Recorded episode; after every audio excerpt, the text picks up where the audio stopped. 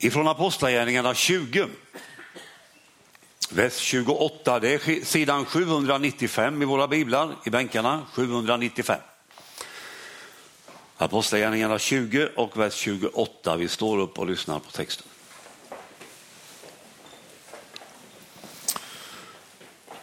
Ge akt på er själva och på hela den jord som den heliga anden satt er att ha uppsikt över för att ni ska vara hedar för Guds församling som han har vunnit åt sig med sin sons blod. Så lyder Herrens ord. Amen. Är ni inte med? Så lyder Herrens ord. Amen. Amen. Varsågoda sitt. I den här versen läste vi om Guds församling. Och i sammanhanget så uppmanar Paulus de ledande i Efesos att vara herdar för Guds församling. Lägg märke till att det är Guds församling, inte föreståndarens, inte styrelsens, utan Guds församling. Och det gäller också Huskvarna alliansförsamling. Vi är Guds församling. Och jag tror att när man får det riktigt klart för sig, att det är Guds församling som vi är med i och tjänar i, så är det både befriande och omskakande.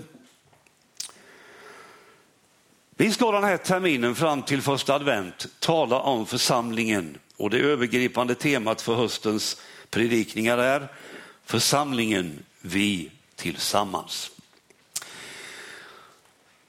Och den första predikan i den här serien, den vi är i nu då, den har rubriken Församlingen, vilka är det? Ja, vilka är församlingen? Den består av människor, men hurdana människor? Är det frågan om människor som det har gått särskilt bra för? Är det människor som tycks leva ett moraliskt klander, klanderfritt liv? Är det människor som aldrig gör minsta tabbe? Eller är det människor som är svaga och måste ha ett särskilt stöd i tillvaron? Förr sa man stor och stark går till Folkets park och liten och klen går till Frälsningsarmén. Av församlingen, vilka är det? Ett första svar på den frågan är församlingen är vanliga människor. Ibland har vi fått för oss att de församlingar som beskrivs i Nya Testamentet, att de var perfekta församlingar. Och ibland kanske vi tänker att ja, om vi var som dem, då vore allt bra. Liksom.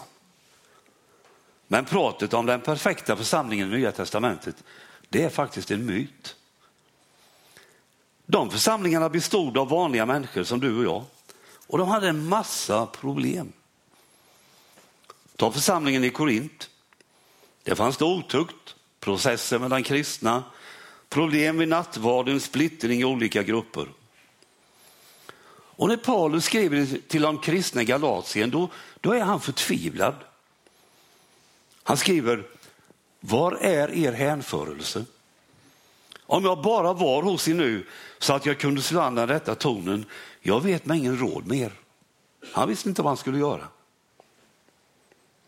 Och om du läser i Uppenbarelseboken kapitel 2 och 3 om, om sju församlingar i mindre Asien så ska du märka att de hade en massa problem. Så de första församlingarna bestod av människor med många förtjänster naturligtvis, men också med fel och problem. Så församlingen, vilka är det? Jo, det är vanliga människor. Så var det då och så är det idag. Församlingen består av människor med förtjänster, men samma människor brottas med en massa saker. Det är människor som gång på gång trampar i klaveret och gör fel. Kort sagt så består församlingen av vanliga syndare som har fått förlåtelse av Jesus. Och att vi inte är färdiga när vi är Guds barn, det kommer ju fram i sådana texter som Filipperbrevet 2, där vi kan läsa arbeta på er frälsning. Eller andra Timoteusbrevet 3, där det står om Guds ord som vägleder och fostrar. Och så står det så här, så att den som tillhör Gud blir fri från sina brister och rustad för alla slags goda gärningar. Vi tillhör Gud. Men det är en process där vi blir mer och mer fria från våra brister. Jag önskar att våran kyrka här ska vara en verkstad där Gud får arbeta med oss och där vi slipas mot varandra.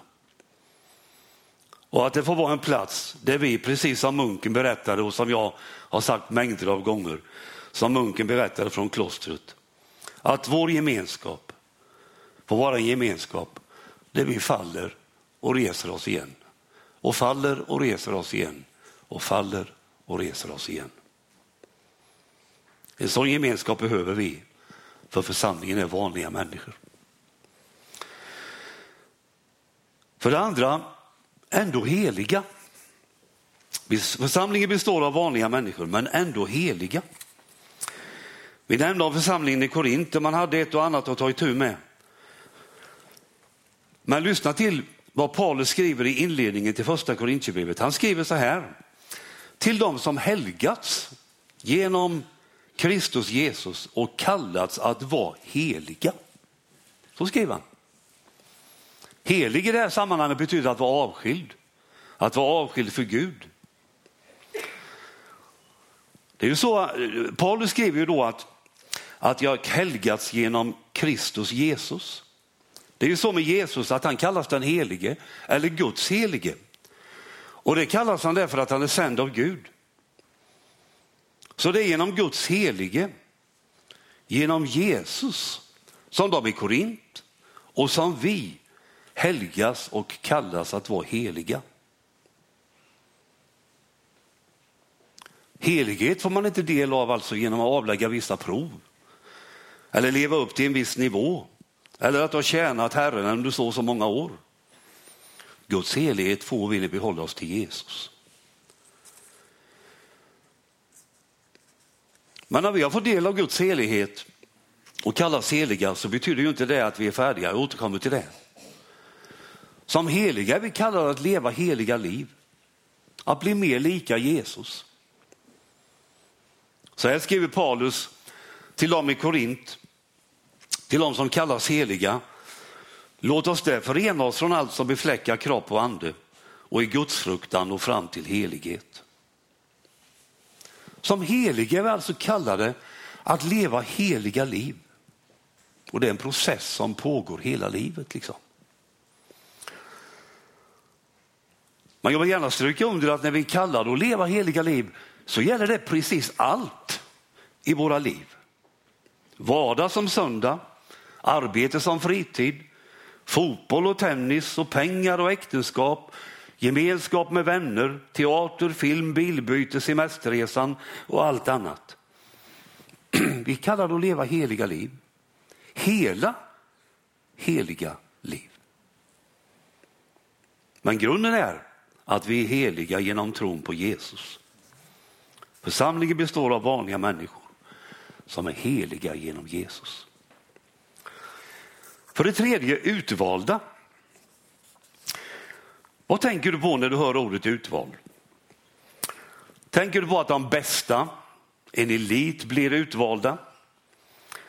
Kanske du har varit med om någon gång när man ska välja lag i fotboll och, eller någon annan bolllek och sådär. De bästa blir valda först. Kanske du tänker på konstellationer av gemenskaper och att den fick vara med, men inte du. Vi talar om församlingen och församlingen är utvald av Gud. När Paulus skriver till de kristna i Efesos så skriver han om Gud liksom han före världens skapelse har utvalt oss i honom till att stå heliga och fläckfria inför sig i kärlek. Och då kan man fråga, finns det alltså en del människor som Gud har utvalt till, hans, till att vara hans församling och övriga har inte en chans? Nej, jag tror inte att det är så. Vi läste att Gud innan världens skapelse har utvalt oss i Kristus. Och då tänker jag att Gud redan i evigheten såg att Jesus behövde ge sitt liv för alla. Så redan i evigheten ser Gud räddningsplanen och korset och allt detta. Räddningsplanen för alla människor. och han utväljer alla. Han vill att alla ska vara med i hans gemenskap. Så genom sin död, genom Jesu död, som är en död för alla människor, så är alla utvalda. Sen avstår en del från det utväljandet då och vill inte vara med. Men i grund och botten blir det ju så då att församlingen är utvald av Gud redan i evigheten. Och också under denna punkt kan vi påminna varandra om att även om vi är utvalda så är vi inte färdiga. Gud vill göra mer med oss. Så här står det i Romarbrevet 8. Ty han i förväg har utvalt har han också bestämt till att formas efter hans sons bild. Gud har en plan, en mening med de utvalda, att vi ska bli mer lika Jesus. Och så vill jag lägga till en sak till under den här rubriken. När du döptes så förenades du med Kristus. När Jesus döps av Johannes så säger Fadern från himlen, detta är min älskade son, han är min utvalde. När vi är förenade med Kristus i dopet, då är vi Guds barn.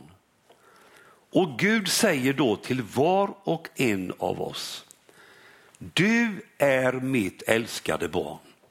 Du är min utvalde. Till var och en av oss. Ta till dig det. Och så en fjärde punkt, förenade genom Kristus.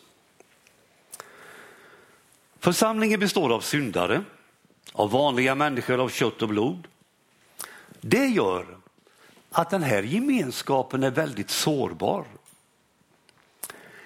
I gemenskapen i församlingen så är man inte fri ifrån att bli sviken.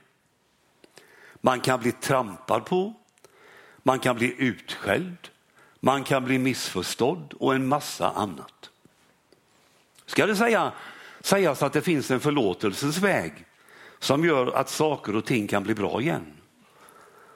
Och den vägen ska vi använda, men gemenskapen i församlingen är sårbar. Om vi tänker på Jesus så lämnade han himlen. Han gjorde sig sårbar.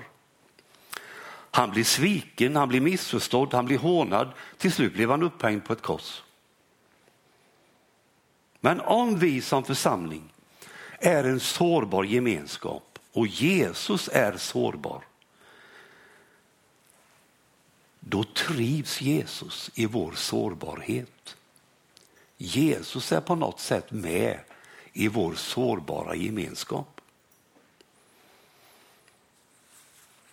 Så även om församlingen består av ofullkomliga människor, även om gemenskapen är sårbar och går sönder ibland, så kan vi ändå tro på församlingen och gemenskapen därför att Jesus är delaktig. Ytterst är det han som håller ihop alltihop. Jesus finns i sin församling. Idag firar vi nattvard och vi ska strax på nytt läsa orden eftersom brödet är ett enda är vi fast många en enda kropp. För alla får vi vår del av ett och samma bröd. Vi har del i Kristus. Det är han som håller oss samman. Så här står det i en bok som heter Söndag som kom för något halvår sedan. Genom Jesu död uppståndelse flyter det samma blod genom oss kristna. Det handlar inte om att vi tror att vi är lika. Det är mer som släktband och delaktigheten i gudstjänsten hjälper oss att se det. Slutcitat. Vi är förenade genom Kristus. Församlingen, vilka är det?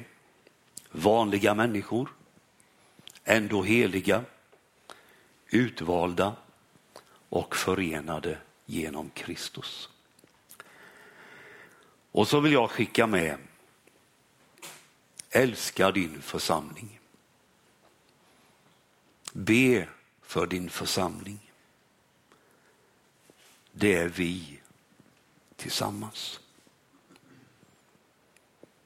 Herre, helga oss genom sanningen. ditt ord är sanning. Amen.